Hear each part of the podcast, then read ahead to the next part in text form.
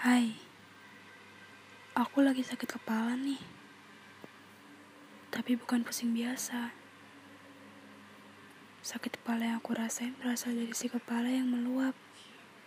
Tapi nggak tahu cara ngeluarinnya. Numpuk sampai memenuhi ruang kepala. Aku tahu, obatnya cuma waktu. Tapi terlalu lama, kepalaku udah berat banget. Aku sadar, aku butuh obat yang lebih instan. Kamu pernah nggak nemuin satu orang yang kamu merasa saat sama dia, kamu kayak nemuin rumah.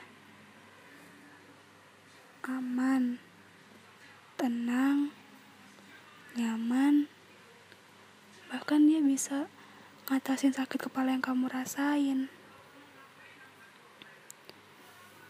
Dan kamu gak mau dia hilang. Tapi kamu dipaksa sadar oleh waktu bahwa orang yang kamu anggap rumah ternyata gak kasih kamu kepercayaan untuk jadi rumahnya dia juga. Rumah itu kan harus tempatin bareng-bareng. Percuma kalau sendirian tetap aja sepi. Dan mungkin lebih parahnya lagi, orang yang kamu anggap rumah ternyata provokator untuk isi kepalamu sendiri yang bikin kamu jadi sakit kepala. Ram kamu rasanya kayak dikasih apa ya?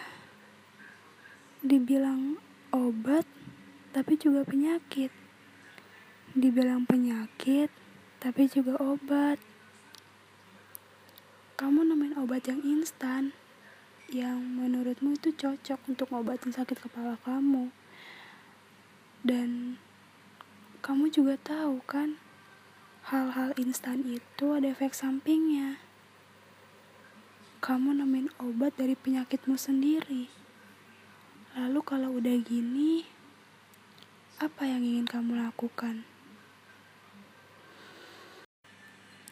Jika kamu itu adalah aku, maka obat sekaligus penyakit yang kuceritakan adalah kamu.